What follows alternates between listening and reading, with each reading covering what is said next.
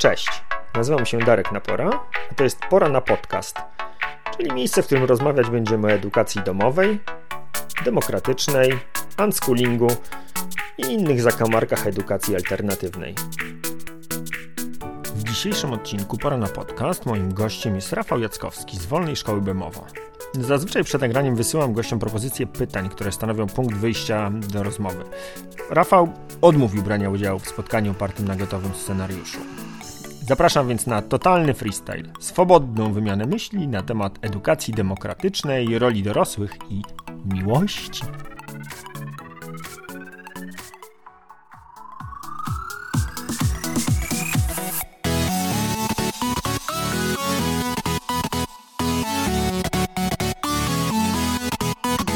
Nie mogę nie zapytać na początku, co u Was żywe 23 y, grudnia 2021. Gdzie jesteś teraz Ty, gdzie Wy jesteście jako szkoła, y, co tam rodzinnie się u Was ciekawego dzieje, jak się rzeczy mają?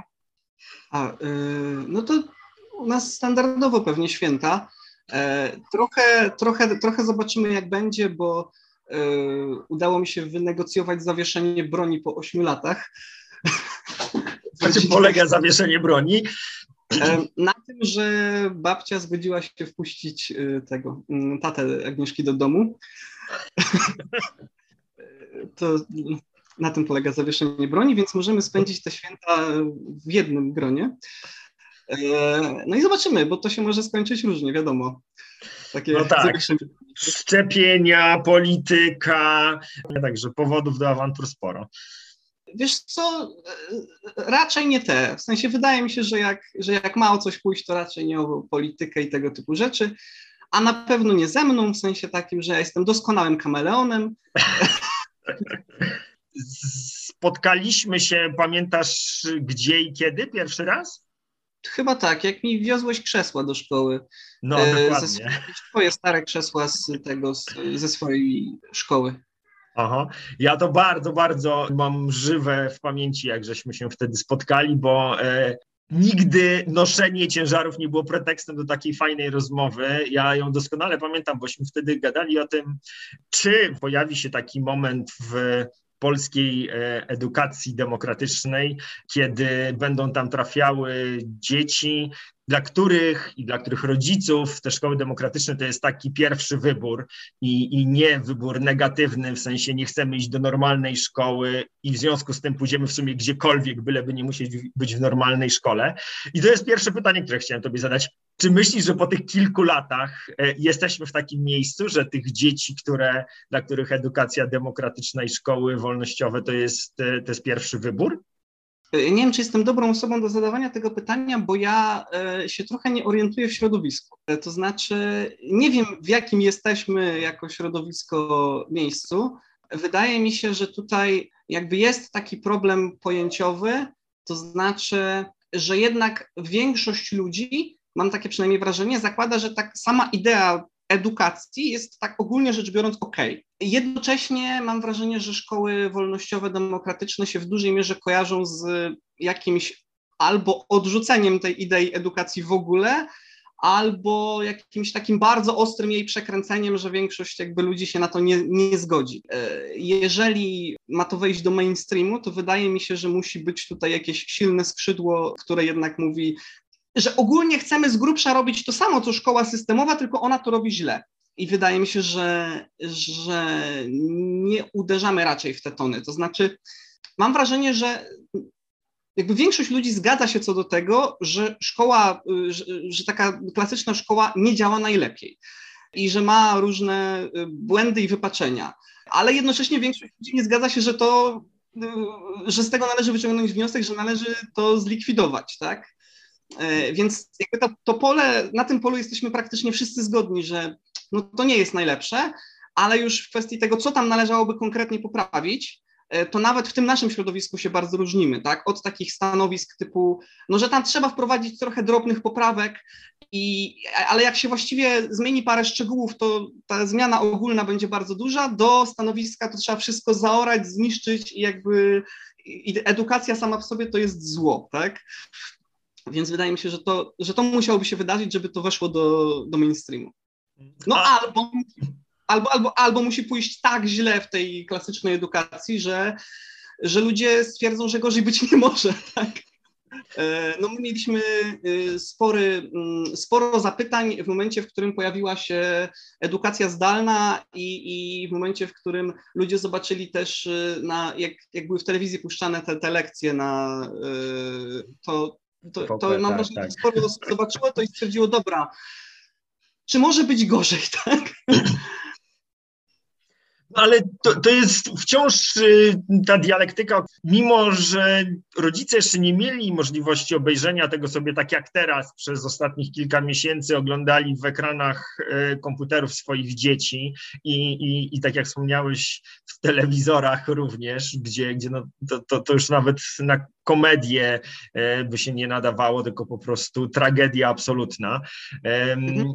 to, to te wybory bardzo często, czy najczęściej były jednak e, powodowane e, właśnie w ten sposób. No to znaczy rodzice e, i dzieci doprowadzeni pod ścianę decydowali się na, na szkoły wolnościowe czy szkoły demokratyczne, nie mając już innego wyboru. A moje pytanie jest właśnie takie, nie ja nie, nie, liczę na to, że przejdziemy kiedykolwiek do mainstreamu, natomiast bardzo by mi zależało na tym, żeby trafiało do szkół wolnościowych więcej dzieci, dla których ten wybór i dla których rodziców ten wybór szkoły wolnościowej jest po prostu tym pierwszym wyborem. Jak wiesz, jak, jak się na studia idzie, tam sobie wpisywałeś pierwszy wybór, drugi wybór i trzeci wybór, to, to rodzice, którzy kiedy dziecko zaczyna ten obowiązek nauki gdzieś tam w zerówce, to mówią, zapraszamy tutaj, my idziemy do szkoły demokratycznej. I chodzi mi o to, czy u was, czy do was dużo trafia takich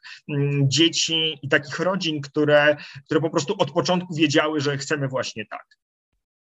Wiesz co, od początku, w sensie od, od zerówki, to może nie, natomiast mam wrażenie, że to jest tak trochę pół na pół, jeśli chodzi o osoby, które nie miały, albo inaczej, są właściwie trzy grupy. Jedna takie, co praktycznie nie miały wyboru, druga taka, co właściwie miały wybór, ale widziały, że idzie bardzo źle i trzecia taka, co w sumie nie było jakiejś tragedii, ale, ale mm, stwierdziły, że jednak wolą coś innego. Ja nawiązując do tego, co mówiłeś, wydaje mi się, że powodem, dla którego ludzie nie ufają za bardzo temu, co robimy, jest to, że my jesteśmy słabo zdefiniowani. Znaczy, zatrudniając kiedyś kogoś do pracy, ale ten człowiek jakby był z harce, znałem go z harcerstwa, on nie bardzo wiedział w ogóle, co to jest ja, i on mnie zapytał, no dobra, słuchaj, macie jakąś taką książkę, gdzie są jakieś, nie wiem, fundamenty, podstawowe założenia, że mógłbyś mi coś takiego polecić i, i tam by były jakieś takie podstawy, o, o co w ogóle chodzi. Ja mówię, wiesz, nie ma czegoś takiego. Ten ruch opiera się w dużej mierze na ludziach, którzy piszą książki o swoich doświadczeniach na przykład, tak? O tym, że oni coś zrobili i wyszło tak, i mamy też duży galimatias pojęciowy, to znaczy mamy jakieś pojęcia, które są, mam wrażenie, używane w bardzo różnym znaczeniu i przez to często nie do końca wiadomo, o czym my właściwie mówimy, kiedy coś mówimy. Co więcej, część języka, który używamy, przenika do nie wiem, czy przenika do mainstreamu od nas, bo raczej wątpię, ale stał się częścią mainstreamowego języka. To znaczy, jak był początek pandemii, to pamiętam, że krążył gdzieś po internecie taki list jakiegoś bodajże kuratora oświaty albo ministra edukacji, który był napisany w takim tonie, że trzeba zwrócić uwagę na to, żeby pracować z dzieckiem w relacji, że trzeba zwrócić uwagę na potrzeby dzieci i tak dalej. No, normalnie mogłaby ten list napisać Marianna Kusińska. Jakby tam był taki podpis, to ja bym chyba łyknął to, że to jest, że to jest Marianna, nie? I teraz pojawia się takie pytanie, skoro oni mówią to samo właściwie, co my mówimy, no to na czym polega ta różnica, tak? I można, można czasami odnieść wrażenie, że to takie trochę lanie wody, no a tak konkretnie to, to, to na czym ta różnica polega? No i tutaj znowu często dochodzimy do tego, że no ta realna różnica, w sensie często ta sugestia jest taka, że ta realna różnica polega na tym, że, o, że my odrzucamy edukację, a szkoła nie odrzuca edukacji, tak? W sensie uważa, że edukacja spoko. I to jest problematyczne, tak? I, I, wydaje mi się, że jesteśmy częścią tego problemu w tym sensie, że e, nie próbujemy się definiować. A ty uważasz, że jest w ogóle możliwość taka, żeby to zdefiniować w skali większej niż, niż, jedna, niż jedna szkoła, czy jedna społeczność, bo niektórzy nawet nie za bardzo lubią o sobie, o sobie mówić, e, że szkoła. I, I jakby określić jasno, coś, co będzie jakąś taką wspólną, wspólną gałęzią, czy wspólnym korzeniem, czy wspólnym pniem, e, z którego będą wyrastały e, inne szkoły wolnościowe, bo no, ja w sumie oprócz takich tych filarów y, wspólnotowości i samosterowności, no to nie, nie, widzę takich rzeczy, które rzeczywiście mogłyby być wspólne dla, dla wszystkich szkół demokratycznych, ba, nawet obawiam się, że gdyby próbować to jakoś uwspólnić, to to mogłoby zrodzić polskie piekiełko, to znaczy zaraz pojawiłaby się taka sytuacja, w której byśmy się szarpali, kto jest bardziej wolnościowy, kto jest bardziej demokratyczny. Aha. Tylko widzisz, bo to chyba nie jest tak, że musimy mieć jakieś jedno wspólne środowisko, natomiast gdyby pojawiła się jakaś próba, to zawsze można by się zacząć od tego i się jakoś do tego odnosić, tak? To znaczy, mhm. tu ogólnie zgadzam się z tymi fundamentami, ale to pojęcie rozumiem inaczej. Albo no, jakby nawiązać jakąś taką dyskusję. Mm, y, ja miałem taki rodzaj zawodu, jak y, nie uczestniczyłem w Eudeku online, ale no, słuchałem przez ramię, bo Agnieszka uczestniczyła. I byłem, przyznam, trochę zawiedziony. To znaczy, miałem wrażenie, że to jakby cel tego, tego mm, spotkania jest taki bardziej, e, nie wiem jak to określić, wsparciowy. Czyli, że jakby wszyscy chcemy, ludzie chcą spotkać się w jakimś środowisku, w którym są podobne osoby, jakby utwierdzić się w przekonaniu, że nie jestem z tym sam, że to, co robię, jest ok. Natomiast takiej jakiejś jakiegoś takiego twórczego sporu, jakiejś takiej dyskusji, która by bazowała jednak na jakichś różnicach, tak, I, i, i na jakimś przerzucaniu się argumentami widziałem bardzo mało, tak, znaczy dużo było jednak takiego potakiwania i to mnie trochę zaskoczyło, to znaczy miałem wrażenie, że nie ma takiego intelektualnego fermentu w środowisku. Wydaje mi się, że w tej chwili w szkołach demokratycznych kłopot polega na tym, że wszyscy pchamy taczki i, i, nie za bardzo jest czas na to, żeby się zastanowić nad tym, co do nich ładować, bo po prostu, no szczególnie w tych ostatnich e, dwóch latach, kiedy, kiedy ten COVID po prostu nie daje naprawdę chwili wytchnienia i, i wariactwo absolutne panuje w próbie zapanowania e, nad logistyką tego, jak wyglądają szkoły, trudno się zatrzymać nad tym, żeby wiesz, stworzyć podbudowę naukową pod, e, pod działalność.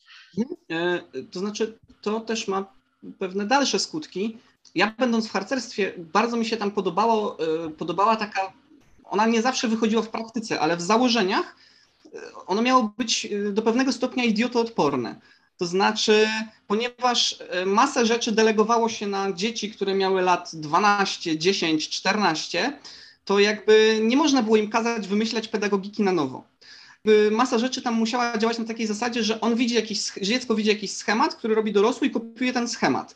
I to wyjdzie lepiej, gorzej, ale jakoś będzie działać, tak? I my trochę nie mamy takich schematów, w związku z tym każdy, kto zakłada nowe miejsce, musi być y, pedagogicznym wizjonerem. I po pierwsze, nie każdy jest, w związku z tym wychodzi różnie, a po drugie, jest to bardzo obciążające i męczące po prostu wymyślanie edukacji na nowo, tak?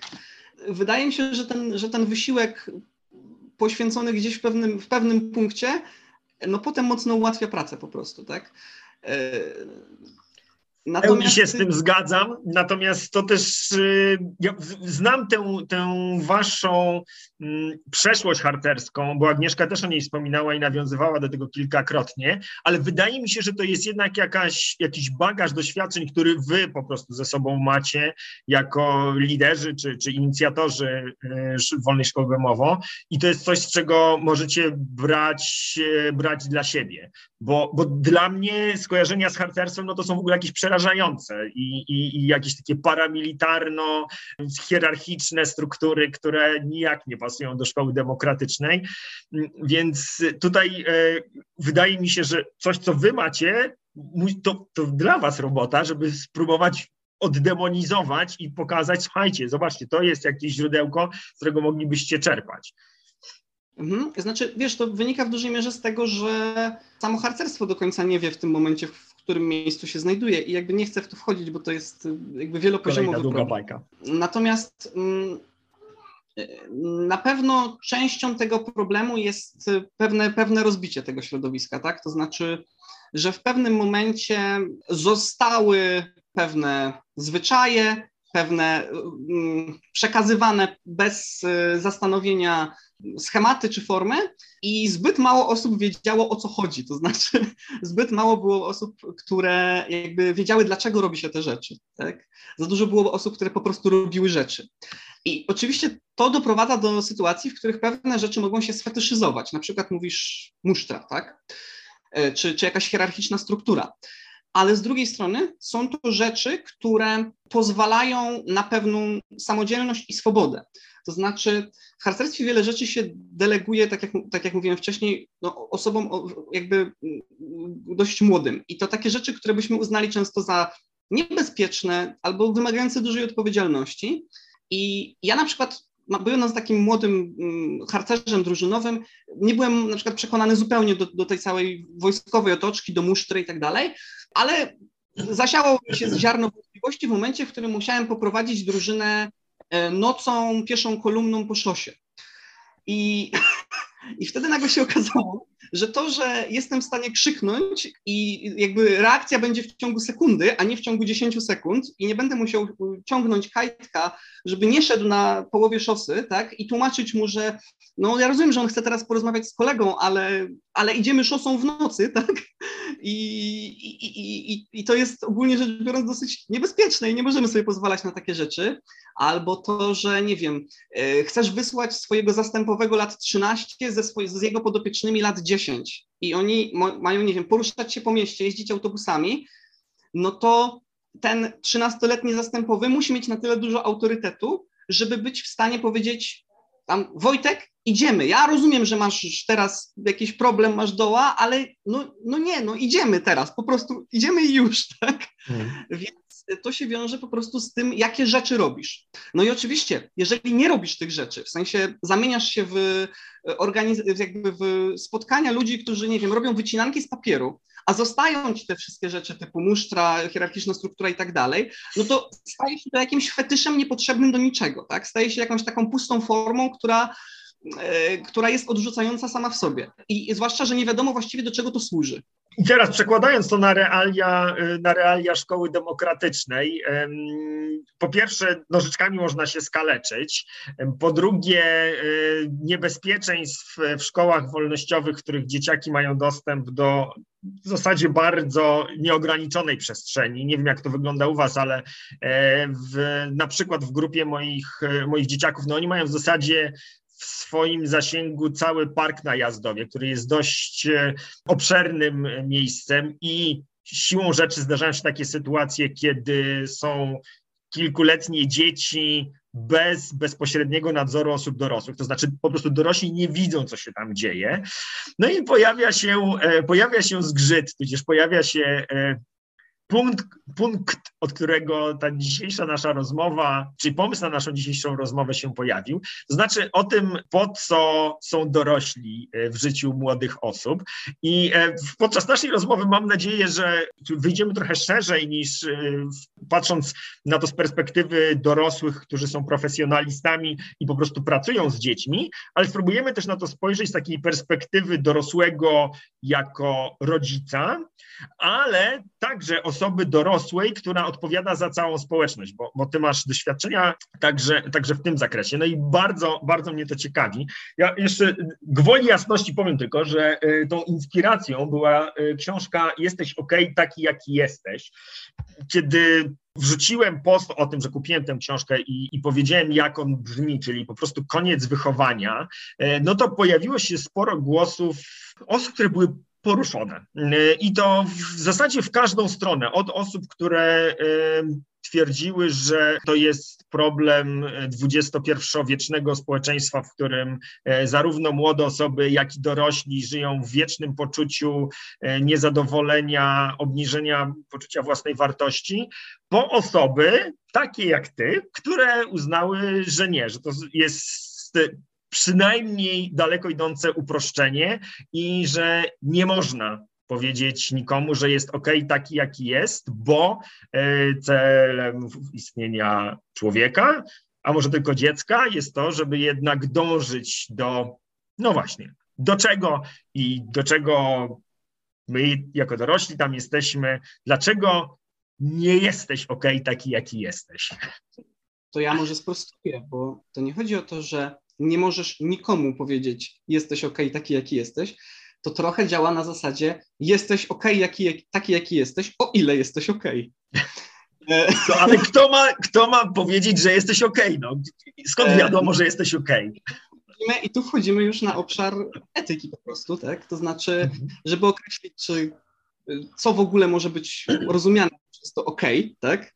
No to musimy określić jakieś fundamenty etyczne, czyli co rozumiemy jako, jako dobre, co rozumiemy jako złe, ale mam wrażenie, że że tutaj trzeba jeszcze wcześniej zacząć, to znaczy zacząć od tego, dlaczego w ogóle możemy mówić o tym, że coś jest dobre albo złe i że, dlaczego w ogóle możemy używać tych kategorii, bo e, ja mam wrażenie, że w ostatnich latach nastąpiło coś takiego jak pożarcie filozofii i etyki przez psychologię. To znaczy, i to jest do pewnego stopnia zrozumiałe, to znaczy wielu z nas mając jakieś problemy, udaje się do psychologa i tam jeszcze jedna rzecz, e, jakby większość z nas nie ma poukładanego systemu y, swoich przekonań. Mamy jakieś luźne intuicje, jakieś nabyte przekonania i, i jakoś to składamy sobie do kupy. No i trafiamy z jakimś problemem. Ten problem może wynikać z tych przekonań, tak? To znaczy może być tak, że, że mamy jakieś przekonania, które są niespójne albo nam szkodzą. No i zaczynamy je analizować. Ten psycholog nam zadaje pytania. Mówi na przykład, a dlaczego uważasz, że musisz to robić? No i my w tym momencie dochodzimy do wniosku, kurczę, nie ma żadnego powodu, dla którego ja właściwie muszę to robić. Właściwie to nigdy nie, określi, jakby nie określiłem nigdy tego powodu. Ergo tego powodu nie ma. No i to jest ten błąd w rozumowaniu, tak? To znaczy zaczynamy zastępować kategorie etyczne kategorią na przykład zdrowia psychicznego, tak? W sensie, że robię rzeczy, które są dla mnie zdrowe, pozwalają mi jakby czuć się dobrze, komfortowo. Nie robię rzeczy, które są, nie wiem, nie wchodzę w toksyczne relacje, nie robię rzeczy, które sprawiają, że czuję się niekomfortowo. No i to jest tylko jakaś konkretna, to jest, to, po pierwsze, to jest już konkretna perspektywa etyczna, tak, że, że to stawiam jako naczelną wartość, ale po drugie jakby to wyrzuca w ogóle spojrzenie na to z innych perspektyw, tak, bo odpowiadając sobie na pytania, dlaczego coś robię, mam, czas, mam czas, na myśli różne rzeczy, tak? Mogę mieć na myśli na przykład, że, że robię coś ze względu, jakby odpowiadać ze względu na efektywność jakiejś rzeczy, tak? Mogę odpowiadać ze względu na jej jakieś umocowanie etyczne. Mogę wreszcie właśnie odpowiadać ze względu na, na to, czy to, czy to dobrze na mnie działa, czy źle na mnie działa. Więc może być tak, że wiele osób odczuwa jakiś niepokój na myśl o tym, że wprowadza się takie kategorie jak dobro i zło, ale ja sobie zmajstrowałem jakiś czas temu taką dobrą, mam wrażenie, roboczą definicję tych pojęć, roboczą w sensie taką umożliwiającą dyskusję.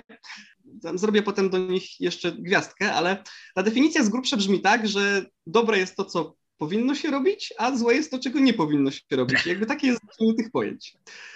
I teraz... Poczekaj. I teraz... Przepraszam, przepraszam.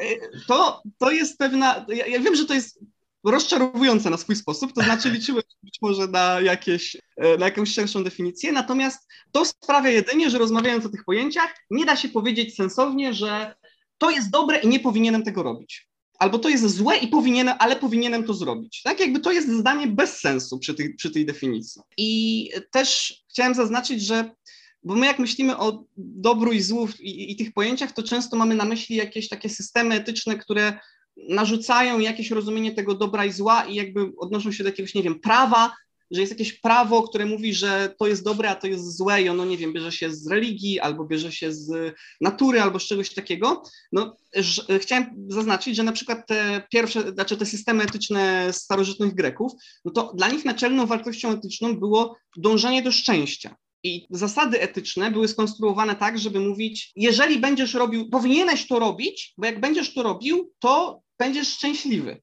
Tak? Powinieneś to robić, bo wtedy będziesz szczęśliwy. Jest, mam wrażenie, już do przyjęcia dla dużo większej dla dużo większej grupy osób niż tylko tych, jakby, które mają jakiś system etyczny oparty na jakimś, na jakimś absolucie, tak? Bo e, to powinieneś znaczy w tym momencie trochę coś innego, tak? Oznacza, że dobrze by było, żebyś robił to, bo wtedy będziesz miał dobre efekty w swoim życiu, tak? W sensie będziesz szczęśliwy. No i teraz jak to definiuje, jak, znaczy jak rozumiemy to szczęście, to dalej jest oczywiście otwarta kwestia, tak? Ale, tak. ale ja przepraszam, muszę tutaj tobie wtrącić, bo to był, to był naprawdę przełomowy, to była dla mnie przełomowa lektura.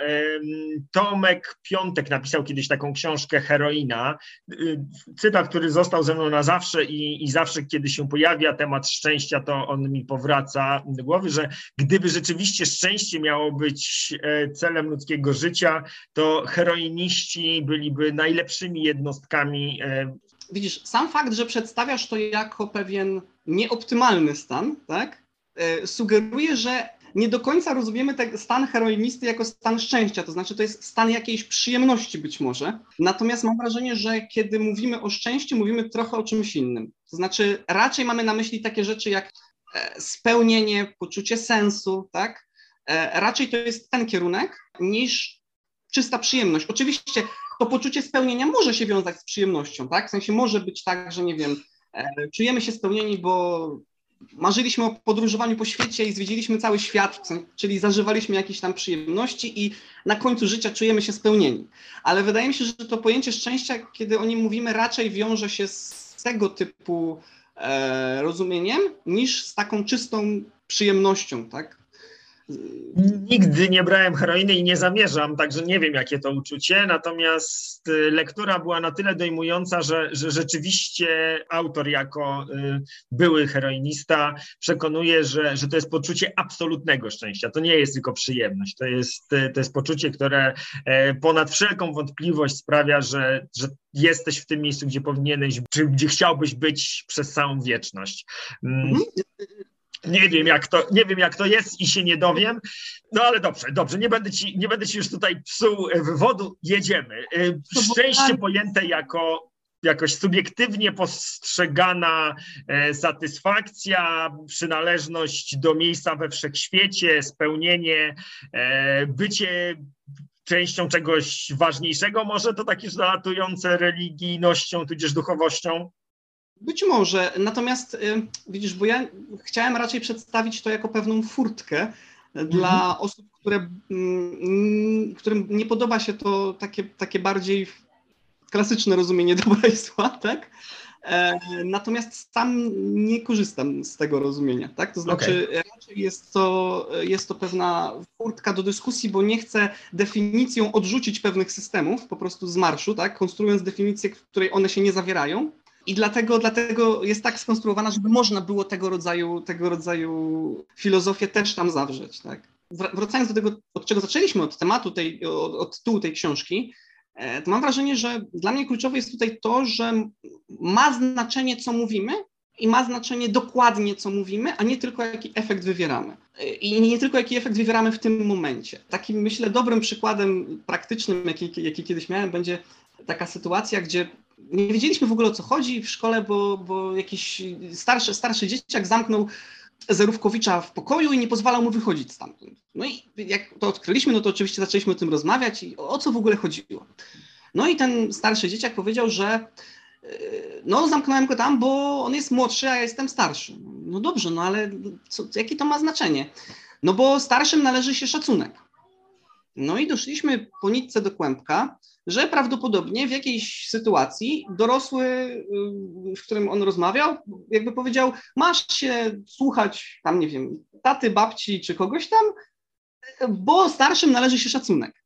I możemy założyć, że nawet w tej sytuacji jakby należało zareagować, tak? Załóżmy, nie wiem, y, dzieciak zaczynał, zaczynał, nie wiem, obrażać babcię, tak? I zaczynał ją tam cisnąć i trzeba było zareagować jakoś i coś mu powiedzieć. Tylko to coś, co powiedzieliśmy, zadziałało w tym momencie, w sensie przestał obrażać babcię, tak? Ale przemielił to sobie, wyciągnął wnioski, poszedł dalej i zamknął kolegę w pokoju, tak? Tego typu sytuacje, mam wrażenie, są dosyć częste. To znaczy, wiemy, że to się nie powinno dziać, tak? W sensie, że ma, widzimy jakieś zachowanie i chcemy, żeby dziecko przestało, przestało to robić i coś mówimy.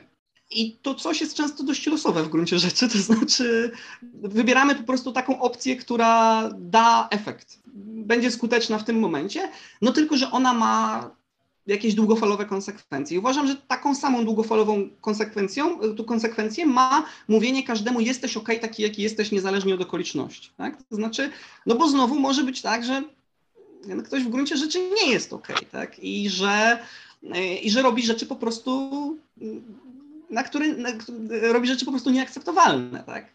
E, I, mhm. jak, I że chcemy na nim wymusić w gruncie rzeczy zmianę, tak? Oczywiście są też sytuacje, w których jakaś osoba ma problem z nieakceptowaniem siebie, tak? Tylko, tylko znowu to jest przeginanie w drugą stronę, tak? To znaczy, jeżeli tej osobie powiemy, jesteś ok, taki jaki jesteś, to być może znowu zadziała to w tym momencie, ale skutki dalsze tego przyjęcia przez nią, zinternalizowania tego twierdzenia mogą być bardzo różne. Ja bym się trochę bał tych skutków, szczerze mówiąc. No dobrze, ale posłuchaj, teraz już wchodzimy w, jaką, w jakiś case, jakiś taki przypadek bardzo, bardzo szczególny. Ja chciałbym, żebyśmy jednak wrócili do tego punktu wyjścia, bo ja myślę, że to jest bardzo taka filozoficzna, y, etyczna czy światopoglądowa rozmowa o tym, co to jest to bycie ok, i o tym, kto ma prawo decydować, co jest ok, a co jest nie ok, w skali rodziny, w skali społeczności, y, ale też dla mnie samego, czy, czy, czy dla dziecka, y, kto ma prawo mi albo dziecku powiedzieć, że, że coś jest ok, albo że coś jest nie ok. I w tej książce autorka posługuje się takimi dwoma mm, ona chyba o tym nawet mówi filary, podobnie zresztą jak, jak w szkołach demokratycznych, e, o, o, czy o takich dwóch siłach. O, to są dwie siły i ona mówi o sile miłości, która powinna być bezwarunkowa, więc taka bardzo popularna e, teoria, bo to i u Alfiego Kona, i u, i u Jula się pojawia ta, ta bezwarunkowa miłość rodzica do dziecka, i z drugiej strony siła dążenia do autonomii przez to dziecko. I teraz ona opowiada o tym w ten sposób, że, że, że dziecko jest jakby cały czas w takim braku równowagi i zadaniem rodzica, jako tej osoby z większym doświadczeniem, z większymi zasobami, jest to, żeby wspierać dziecko w odnajdowaniu balansu między tymi dwiema siłami, które na dziecko wpływają. Mhm. Tutaj jest jeszcze, jakby mamy te filary oparte na pewnym bardzo niejasnym pojęciu, czyli na pojęciu miłości. To znaczy, czy tam autorka tłumaczy, co ma na myśli, mówiąc, że. To jest właśnie druga część pytania, którą chciałem Tobie zadać, bo w przypadku rodzica ja myślę, że to jest dość, dość jasne, jak rodzice postrzegają e, miłość, jak ją okazują i, i co to oznacza w relacji z dzieckiem, to oznacza coś zupełnie innego. I autorka kilkakrotnie mówi o tym, że w zasadzie jakiego rodzica by o to nie zapytać, to zawsze słyszy odpowiedź, że tak, że rodzice kochają dziecko. I natomiast ta druga część pytania, którą chciałem tobie zadać, i ona myślę, że może nas doprowadzić do tego, co to znaczy kochać dziecko, dotyczy sytuacji dorosłego, który jest właśnie tym profesjonalistą, tak? czyli pracuje z dziećmi zawodowo. I teraz chciałem ciebie zapytać, jak ty myślisz sobie o roli swojej, o roli dorosłego w szkole, szkole, to czy, czy, byłbyś w stanie jakoś określić, e, jak miałaby wyglądać ta, ta część opisana jako bezwarunkowa miłość w sytuacji dorosłego, który no, nie musi, a, a zazwyczaj nie darzy miłością e, dzieci, które są w, w jego społeczności. Natomiast to dążenie do, do, autonomii będzie się objawiało, no bo to jest, to jest jakaś tam rzecz, która, jest immanentną cechą dzieci, żeby do tej autonomii dążyć. I mam nadzieję, że to pytanie nas doprowadzi do tego właśnie, czym jest ta bezwarunkowa miłość, czy to będzie to samo, co bezwarunkowa akceptacja, czy jakoś inaczej będziemy to sobie definiować. Próbujmy. Definicję miłości też mam, ale, raczej na, w sensie raczej na użytek własny w tym sensie, że nie, nie chciałbym ludzi przekonywać do, tej, do tego rozumienia miłości, bo to już jest jednak bardzo konkretne i nie wiem, czy chcę w to wchodzić. Natomiast nie jestem przekonany, czy rzeczywiście filarem wolnej szkoły musi być bezwarunkowa miłość. E, no bo to znowu zależy od tego, jak ją rozumiemy. Jeżeli rozumiemy jako bezwarunkową akceptację, to nie wydaje mi się, że powinno być filarem. To znaczy, ja jak najbardziej jestem sobie w stanie wyobrazić sytuację, w której y, mówię, mówię rodzicom takiego dziecka i temu dziecku, że no nie jestem w stanie dalej z nimi pracować i no nie, no już robiliśmy takie rzeczy, więc nie wydaje mi się, żeby ta bezwarunkowa miłość była tym filarem. Znaczy trochę wydaje mi się, że to jest ślepa uliczka.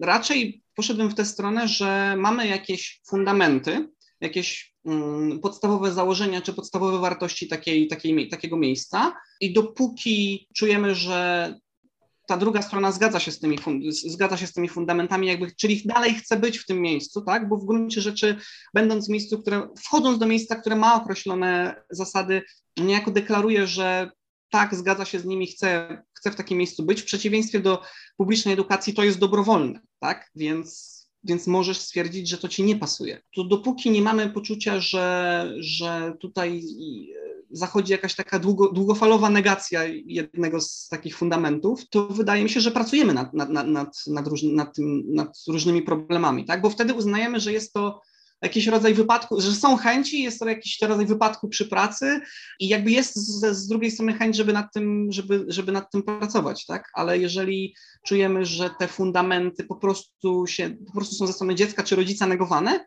w oni mają po prostu inne przekonania, no to nie wydaje mi się, że to jest dobry pomysł, żeby kontynuować współpracę, bo będziemy się męczyć po prostu i jakby ciągnąć w przeciwnych kierunkach. Więc nie, nie wydaje mi się, że bezwarunkowa miłość w sytuacji, na, na pewno bezwarunkowa miłość rozumiana jako bezwarunkowa akceptacja. To, hmm. to jestem przekonany, że to nie jest dobry filar. No dobra, to poczekaj, nie pójdziesz dalej, to mam dla ciebie drugie słowo, bo ja, tak jak tobie wspomniałem na początku na naszej rozmowy, przygotowałem się do tego, że prawdopodobnie odpowiesz, że, że nie, akceptacja to, to nie. Ja zresztą się z tym w pełni zgadzam i e, ja również e, jako lider takiej, takiej grupy, w której pojawiają się dzieci i rodziny, mam za sobą doświadczenie wyrażenia braku akceptacji w ten krańcowy sposób, to znaczy musieliśmy poprosić, żeby, żeby osoby nas e, opuściły. Natomiast drugie słowo, które, które chciałem Tobie zaproponować, to bezwarunkowa bliskość, bo to, to jest y, takie, takie słowo, które mi y, przywodzi na myśl to, że nawet w sytuacji, kiedy dziecko robi coś, co jest skrajnie sprzeczne mm, z tym, co zostało ustalone jako fundamenty czy, czy podstawy działania całej społeczności, to ono nie zostanie odrzucone, tylko nawet jeżeli do tego rozstania dojdzie, to dziecko pozostaje w kontakcie z, z osobą, która bierze za nią odpowiedzialność w grupie. I jakby to tobie odpowiadało? Bezwarunkowa bliskość. Y, wiesz co, wydaje mi się, że kierunek, kierunek y, dobry, natomiast y, wydaje mi się, że pojęcie nie te, to znaczy, że trochę, że znowu wchodzimy w jakieś bardzo niejasne pojęcie, tak? które trzeba jakoś mocno podefiniować.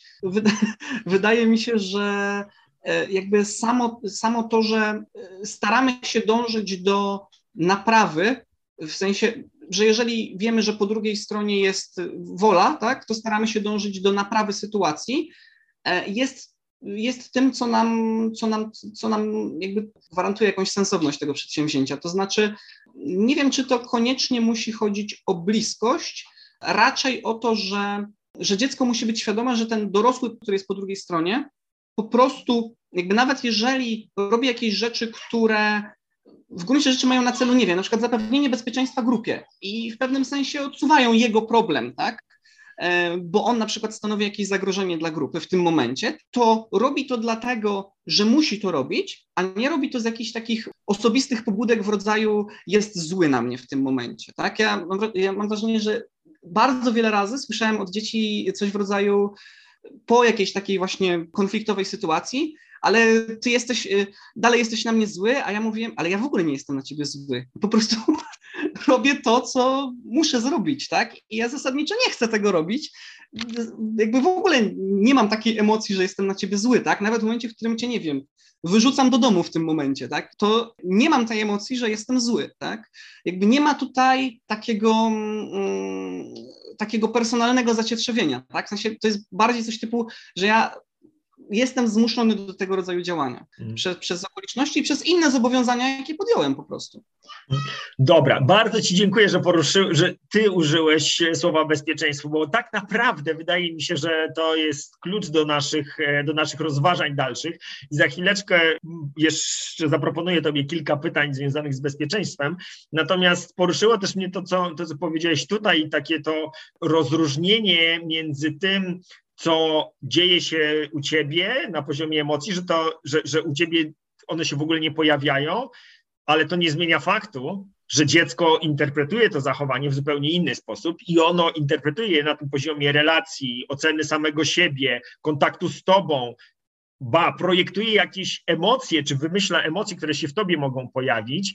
E, I e, no, wydaje mi się tutaj, że, że to niemal niemożliwe jest, żeby, żeby uniknąć tego sytuacji, w której e, mamy wpisane w DNA szkolne sprawiedliwość naprawczą, tak? gdzie, gdzie nie, szukamy, nie szukamy winnych, tylko próbujemy znaleźć rozwiązanie dla sytuacji, tak? Ty to potem powiedziałeś, czy, czy próbujemy naprawić sytuację, bo wtedy te emocje się, się pojawiają u dzieci pojawiają się zawsze i, i, wydaje mi się, że tutaj nie ma, nie ma sposobu, żeby, żeby tego uniknąć. I dla mnie dosyć dużym takim alarmem, który trochę mnie wybudził z tego zauroczenia e, właśnie sprawiedliwością naprawczą, była książka e, Zoe Redhead o Summerhill, gdzie ona bardzo prosto, ale jednocześnie w taki e, jednoznaczny sposób pokazuje, jak bardzo sprawnie w takiej sytuacji jednak działają niestety systemy oparte na, na systemach kar e, za łamanie regulaminu, który w Summerhill istnieje i tam rzeczywiście ta sprawiedliwość jest zupełnie odczłowieczona, to znaczy tam nie ma człowieka, który odpowiada za to, że ktoś zostaje ukarany. To nie jest niczyja decyzja podjęta spontanicznie w momencie, kiedy do jakiegoś konfliktu doszło, tylko to jest decyzja podjęta przez całą społeczność podczas spotkania. Jest książka zasad. W książce zasad jest napisane, co się dzieje, jak coś się takiego stanie. Pyk, stało się, dostajesz jakąś tam karę. I to znowuż jest bardzo długi temat. Nie wiem, czy chcemy teraz w ten poboczny wątek wchodzić, czy wracamy do kwestii bezpieczeństwa. Wiesz co, ja myślę, że chcemy, bo wydaje mi się, że to wydaje mi się, że to jest dobry kierunek. To znaczy, jakby i to zarówno na gruncie takim relacji z dziećmi, z dziećmi i bycia pedagogiem, jak i na gruncie osobistym. To znaczy, ja uważam, że posiadanie jakiegoś spójnego, przemyślanego systemu, także dla siebie, dla swoich decyzji, chroni nas również przed samym sobą, przed naszą hipokryzją, przed e, jakby naszymi emocjami, które wejdą nam w pewnym momencie. I jeżeli nie jesteśmy spójni, w sensie nie przemyśleliśmy sobie pewnych rzeczy, to prawdopodobnie zadziałamy na, bazując na jakimś instynkcie, na tym, że coś nam się po prostu nie podoba. W sensie nie będziemy tego mogli skonstruować z jakimś gotowym, nawet narzuconym sobie przez samego siebie systemem, w którym sprawdzimy, kurczę, ale ja myśląc o tym, rok temu na spokojnie uznałem, że tak nie można robić. To czemu teraz uznaję, że można? I na podobnej zasadzie konstruowanie pewnych reguł dla większej społeczności e, jak, jak najbardziej moim zdaniem może działać. To znaczy, mówisz, że to jest odczłowieczone, tak? I, i że to jakby ci tutaj nie pasuje. Ja y, Ja mam pewne aspergerowe cechy i y, mnie, mnie na przykład u mnie budzi pewne przerażenie, takie stwierdzenie, które jest takim trochę smoltokiem urzędniczym, ale gdybym usłyszał coś takiego w urzędzie, to bym wpadł w panikę. To jest tutaj stwierdzenie, każdą sprawą zajmiemy się indywidualnie. Prawdopodobnie to jest zwykły urzędniczy smoltok, ale mi się odpala w głowie coś w rodzaju, no zaraz, ale co on może mieć na myśli? indywidualnie, czyli że że po kolei? No nie, ale to bez sensu. No przecież wiadomo, że nie robi naraz kilku spraw, tak? No to może to znaczy, że aha, że indywidualnie, czyli że e, inne kryteria stosuje w, te, w mojej sprawie niż w innej. O mój Boże, czyli wszystko zależy od jego widzimisię teraz, tak? I e, wydaje mi się, że znowu przy braku systemu, no to wszystko zależy od mojego widzimisię. I teraz oczywiście można być dobrym przywódcą, tak? W sensie może być tak, że twoje widzimisię jest całkiem sensowne i w wielu sprawach y, się sprawdza. I jakby częściej nie popełniasz błędu niż popełniasz błąd, tak? Kierując się swoim widzimy się, bo masz dobrą czutkę. Ale może być tak, że nie masz. Co więcej, może być tak, że bardzo trudno będzie na przykład Twoim pracownikom yy, albo Twoim jakimś następcom, dajmy na to, skopiować to, co Ty robisz, bo Ty robisz na czutkę. I jakby trudno jest stworzyć jakiś szerszy model wychodzący poza poza twój, poza twój charyzmat. Na tym, da się przeje- na tym da się trochę pojechać, ale niezbyt daleko. Przy pewnej skali nie możesz się opierać tylko na swojej czutce, tak? bo, bo musisz tę swoją czutkę przekazać innym. No a żeby ją przekazać, to musisz użyć jakiegoś zrozumiałego języka, nie tylko zrozumiałego dla ciebie. Tak, metoda Jana Naczuja w małych społecznościach spoko, natomiast w momencie, kiedy dzieci dorastają i e, rodzicom e, organizujących organizującym społeczność szkoły demokratycznej tylko dla własnych dzieci zaczyna brakować motywacji, żeby to kontynuować, albo jeszcze gorzej, tak jak powiedziałeś, społeczność zaczyna się rozrastać, odnosić sukcesy i próbujesz skalować te rozwiązania oparte na jakiejś intuicji i cechach e, bardzo charyzmatycznego, czy po prostu dobrego lidera, no to, to zaczyna wszystko trzeszczeć i trochę się rozłazić w szwach. I ja bardzo, bardzo z tym empatyzuję, bo, bo oczywiście w tym, e, w tym momencie, kiedy próbujesz delegować takie rzeczy niedelegowalne, no to, to się robi kłopot. No tak, zatem bliskość, e, mówiliśmy sobie akceptacji, e, miłość też nie, to czy coś bezwarunkowo należy się dzieciom w szkole takiej jak wasza, co niezależnie od tego, co zrobią, jak się zachowają, jak, e, mm, jak wejdą w kontakt z innymi osobami, z innymi dziećmi w szkole, co, co, co zawsze będą miały, niezależnie od tego, jak, jak to ich zachowanie będzie wyglądało? Co będzie tą przeciwwagą dla tego dążenia do autonomii, która czasami będzie destrukcyjna, która będzie się objawiała jako agresja, czasami nawet jako przemoc, która będzie powodowała u innych osób ból? Co, co możemy jako ten balans dla tej autonomii dzieciakom za, zaproponować, bo to będzie zawsze, to będzie bez względu na wszystko, co będą robili dorośli, inne dzieci, dążenie do autonomii e, u, u dzieci będzie obecne. Tak, takoż twierdzi autorka e, książki Jesteś ok, taki jaki jesteś. No i teraz ona sugeruje, ja chyba się z tym trochę zgadzam, że musimy coś położyć jako tę drugą siłę równoważącą e, tę autonomię. I ta bezwarunkowa miłość jest tym, co ona proponuje. Dla mnie to jest ta bezwarunkowa bliskość, że będę tu przy tobie niezależnie, co się, e, co się stanie. E, no a cóż mogłoby to być innego? Ja myślę, że, że moglibyśmy powiedzieć, że jest to bezwarunkowa uczciwość. To znaczy, i znowu tutaj się będą zawierać te, te, te, takie kwestie jak to, że jakby nie wpuszczam swoich emocji na przykład do podejmowania de decyzji, tak? Że nie, nie uwezmę się na ciebie, nie, nie będę kogoś faworyzował, tak? To są takie rzeczy, które że jakby, że wiesz, jak zostaniesz, w sensie wiesz, że jak zostaniesz potraktowany w, w określonych sytuacjach i że to nie zależy, jakby to zależy od zasad, na które się zgodziliśmy, z których część kształtujemy wspólnie, tak? Ja zresztą często mamy mam do czynienia z taką sytuacją, że w gruncie rzeczy jestem policjantem dla zasad, które ustanowiły dzieci, które zasadniczo uważam za bzdurne. Tak? E, znaczy zasady dzieci. E, ale co więcej, część z tych dzieci uważa te zasady za bzdurne, bo za nimi nie głosowała, tak? E, ale no ale na to się umówiliśmy właśnie, nie? Więc, e, więc wydaje mi się, że ta bezwarunkowa uczciwość to jest e, bliższe tego, co mm, to jest jakieś bliższe pojęcie tego, co, co, co można by dać, co, co mógłbym określić jako bezwarunkowe. Słuchaj, no wydaje mi się, że to jest piękna klamra na zakończenie naszej rozmowy. Bezwarunkowa uczciwość. To, to brzmi dobrze. I Pewnie to nie będzie rzecz, którą wszystkie, wszystkie szkoły demokratyczne mogłyby wziąć na sztandary, ale ty apelowałeś o to, żebyśmy spróbowali jakoś tam uwspólnić e, jakąś terminologię, coś sobie ponazywać.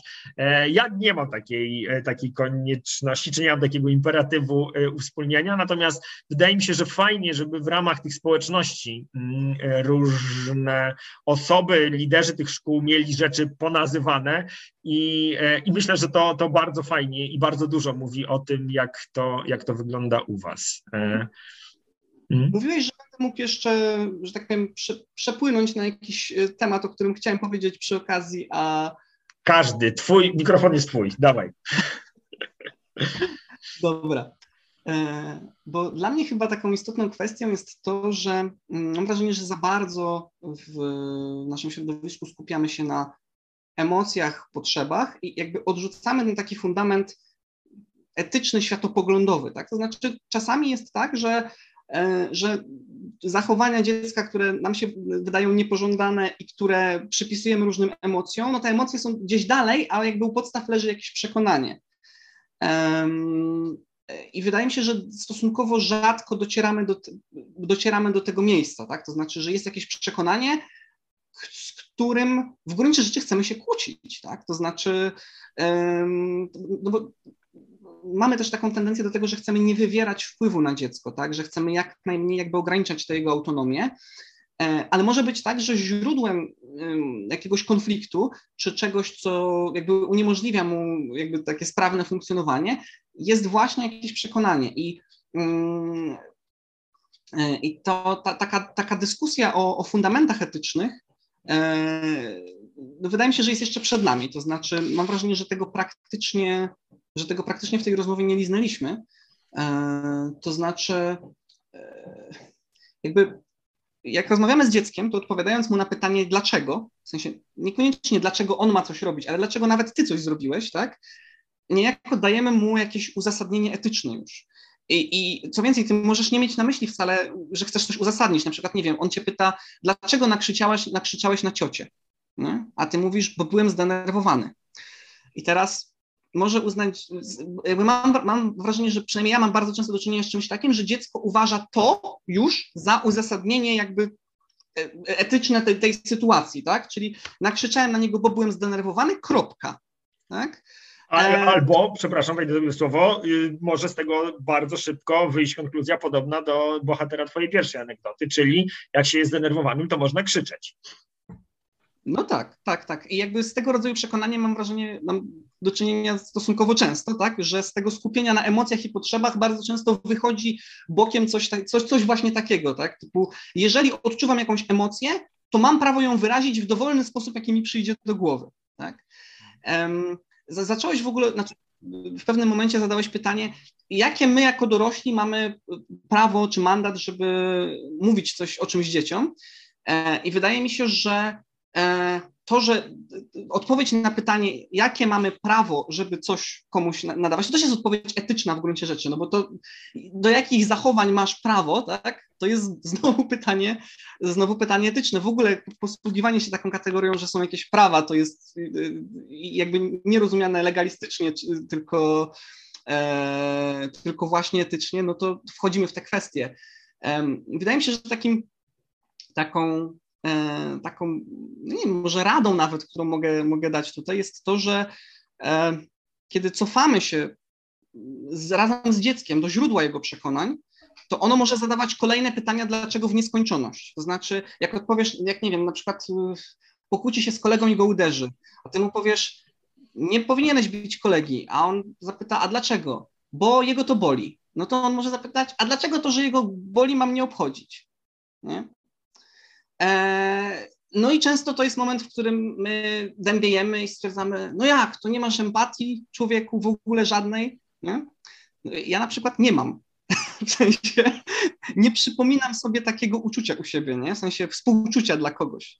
A jednocześnie nie chodzę i nie kroję ludzi albo nie wrzeszczę na każdego, kogo spotkam. Więc jakby, wiesz, uzasadnienie, uzasadnienie swoich postępowań może być inne niż moje, niż jakieś uczucie empatii. Nie? E, ale tak cofając się coraz bardziej i coraz bardziej, tak naprawdę są tylko, tak mi się przynajmniej wydaje, nie znalazłem innych, wydaje mi się, że są tylko dwa jakby takie ostateczne przekonania, tak? do których jakby, od których możemy zacząć. E, I jedno to jest to, co powiedziałem na początku, czyli dążenie do szczęścia, tak? W sensie, jak będziesz robił tak, to będziesz szczęśliwy. I jakby za tym może iść cała bardzo skomplikowana filozofia, jak robić, żeby być szczęśliwym, tak? Ale to może być jednym z fundamentów. No a niestety, niestety czy niestety, drugim możliwym fundamentem jest jakiś absolut, to znaczy są jakieś naturalne prawa, jest jakiś, nie wiem, Bóg czy coś takiego i on jakby ustanawia, a on albo ono, te prawa ustanawiają tę moralność, tak? I nie wydaje mi się, że da się inaczej jakby zamknąć ten, ten um, krąg dowodzenia, tak? To znaczy w, każdym, i w każdej innej sytuacji w pewnym momencie będziemy musieli stwierdzić, na pytanie dlaczego odpowiedzieć, no bo tak. E, I ten taki podstawowy wybór, mam wrażenie, jest bardzo istotny, tak? To znaczy to, od czego zaczniesz, czy od dążenia do szczęścia, czy od absolutu i oba mają dużo problemów, tak? Ale mm, jakby oba rozumienia tego pojęcia. No, być może częściej się domyślasz, tak? To znaczy, no, nie wiem, ta, ta opcja szczęścia, to nawet już powiedziałeś, że istnieje bardzo duże ryzyko wejścia w jakiś skrajny subiektywizm, jak zaczniemy od tego na przykład, tak? I bardzo trudno jest go uniknąć i jakby jakoś zuniwersalizować te wartości. E, no a w tej drugiej opcji, oparcia się na jakimś absolucie, no, konstruujemy zazwyczaj jakiś zbiór praw i jak się pomylimy, a jest spora szansa, że się pomylimy w wyborze tego absolutu albo tych praw, no to robimy nie, niefajne rzeczy, tak? Zdaje się, że, że, że parę razy już to miało miejsce w różnych systemach religijnych i, e, i tak, tutaj e, wskazana jest duża uważność i, e, i łatwo popełnić błąd. Z tym szczęściem chyba łatwiej, ale. Mm, no ale tak, no, ta subiektywnie, subiektywnie postrzegane szczęście i to, jak je sobie określimy, autorka nie, nie ucieka przed podjęciem y, tego, tego tematu, co ciekawe. Ona właśnie tego twojego pierwszego rozwiązania y, mm, próbuje, mm, próbuje używać i ona jako ten, y, ona może nie idzie tak daleko, żeby zdefiniować szczęście, ale takie próbuje ustalić warunki brzegowe funkcjonowania bez cierpienia mm, i, i co człowiek potrzebuje, żeby nie cierpieć za życia. I I ona sobie ustala, że, że tym warunkiem życia bez cierpienia jest to, żeby pozostawać w kontakcie e, z innymi osobami, w którym te osoby też nie cierpią. I, i to jest jakiś taki warunek brzegowy, którego ona e, użyła. Tak przynajmniej ja interpretuję to, co, to, co napisała, i, i myślę sobie, że to jest całkiem, całkiem nieźle określone no nie użyję słowa szczęście, no ale taki, taki punkt, z którym jesteś w stanie z dzieckiem ustalić i ono będzie w stanie zrozumieć w zasadzie niezależnie od, od wieku, bo to, to oczywiście można sobie potem już niuansować jak z każdym rokiem, kiedy dziecko bardziej dorasta i więcej rozumie, ale wydaje mi się, że nawet takie kilkuletnie dzieci są w stanie zrozumieć, że e, jak będą w kontakcie z kolegami z innymi osobami w szkole w takim układzie, gdzie ani one nie cierpią, ani te pozostałe osoby nie cierpią, to, że to jest ok i że to jest coś, do czego możemy wspólnie dążyć. Tylko mm, to oczywiście ma pewien problem, mniej więcej ten sam, co filozofia utylitarystyczna, to znaczy to się nazywa jakoś, to się jakoś nazywa profesjonalnie chyba problem areny, czyli, e, e, czyli co, jeżeli zgromadzimy, co, co jeżeli zgromadzimy masę ludzi na arenie i oni będą patrzeć, jak kilku ludzi się zabija i oni się będą cieszyć, będzie ogólnie bardzo duży przyrost szczęścia, no ale tych kilku ludzi będzie ginąć. No i tak samo e, w tym... No nie, no założenie jest takie, że nikt ma nie cierpieć w układzie. No ale widzisz, no jakby Dobrze, a jeżeli na przykład moim jakąś tam podstawowym pragnieniem jest krzywdzenie innych ludzi, ja cierpię, jak tego nie robię, tak? No to wiesz, znowu musisz jakby wybierać między cierpieniem jednej osoby, a cierpieniem innej bardzo często. Jakby niestety tak, tak wygląda, że, że, nawet jak mówiliśmy o tym bezpieczeństwie, tak? To mówiliśmy o sytuacjach, w której w gruncie rzeczy no wybierasz jakieś, jakiegoś rodzaju cierpienie jednej osoby, tak? Po to, żeby pozostałe nie cierpiały. I teraz, jakie jest kryterium wyboru tego cierpienia? A, no i wydaje, i wydaje mi się, że kryterium wyboru, jakiego tutaj używamy, to on, ono jakby zakłada jednak istnienie jakichś praw. To znaczy, e, zakłada, że jakby wybieramy cierpienie tej osoby, bo ona robi coś źle, a tamci nie robią czegoś źle. Nie? W sensie to nie jest kwestia czysto ilościowa. To znaczy, gdyby na przykład było tak, że nie wiem, jedna osoba jest gnębiona przez, yy, przez grupę osób, to moglibyśmy dojść do dokładnie odwrotnego wniosku, tak? że trzeba jakby poświęcić tę grupę osób dla tej jednej osoby. Nie? E, więc wydaje mi się, że to nie jest do końca adekwatne rozumienie, bo wtedy operujemy w jakiejś, w jakimś takim balansowaniu tym cierpieniem, a dalej nie mamy kryteriów rozróżniania, które cierpienie jest, bo musimy balansować cierpieniem, tak? W sensie bardzo często będziemy w sytuacji, w której nie będziemy w stanie zrobić tak, żeby nikt nie cierpiał.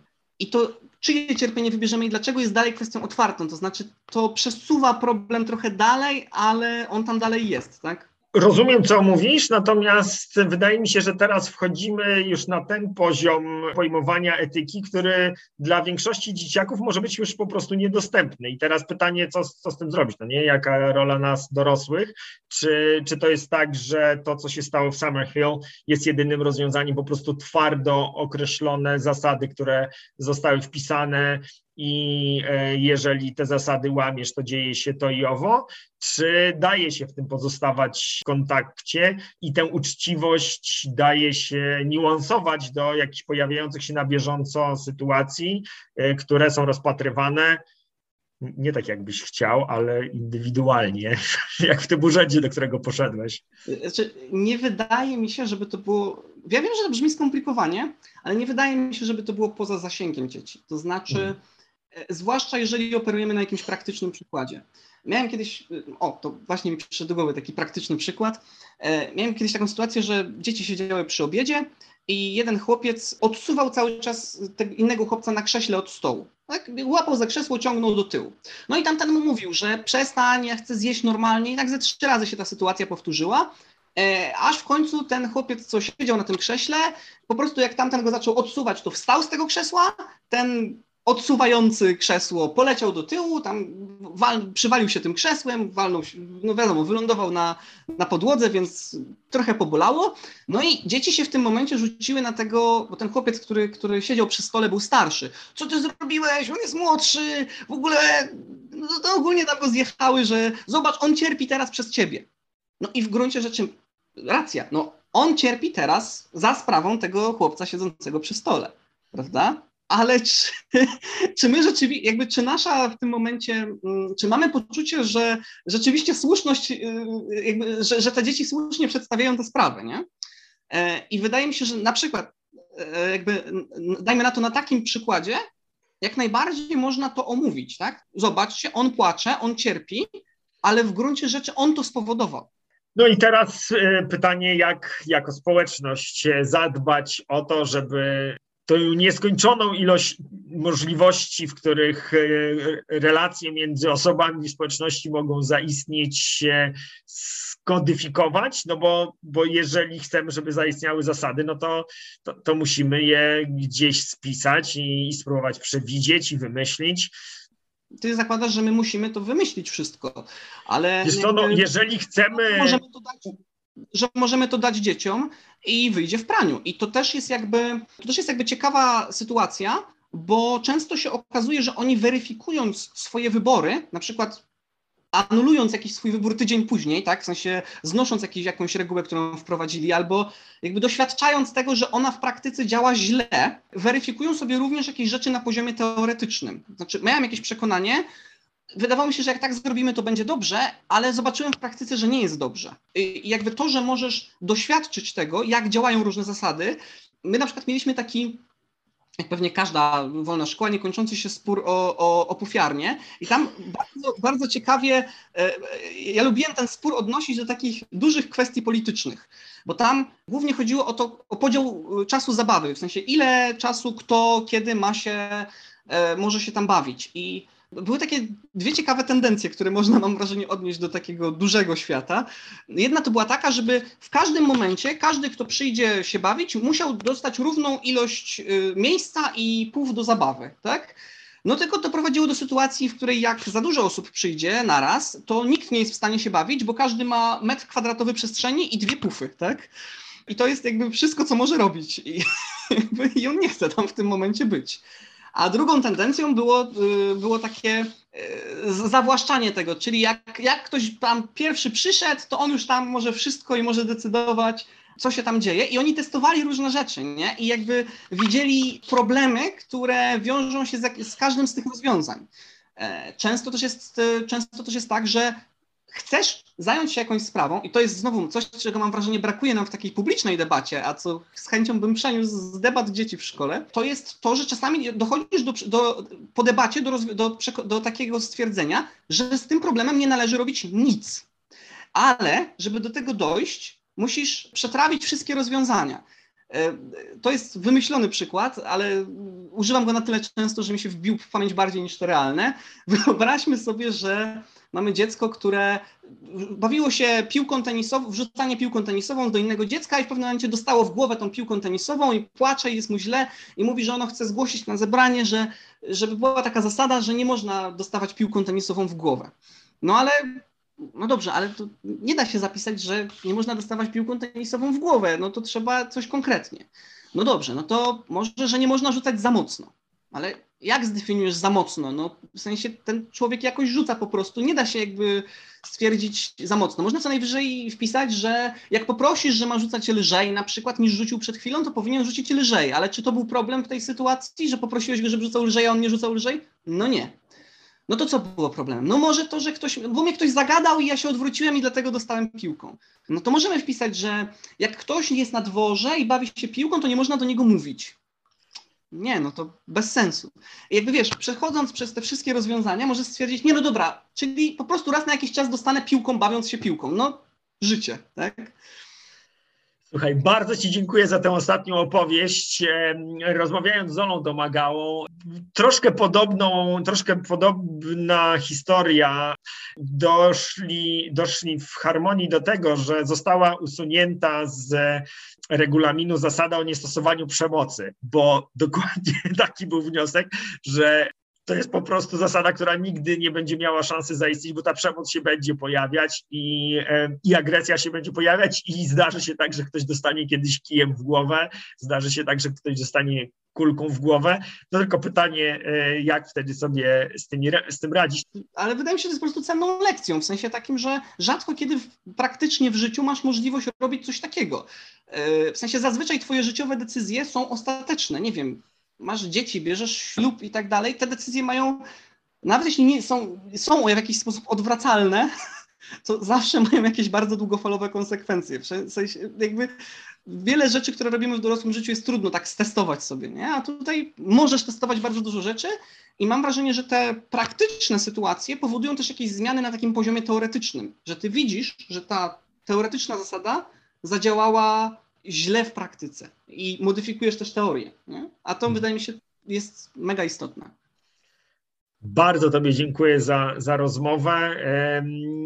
No ja również dziękuję. Mam nadzieję, że się spotkamy nie na Facebooku, bo tam mam wrażenie, że zawsze da się rozmawiać.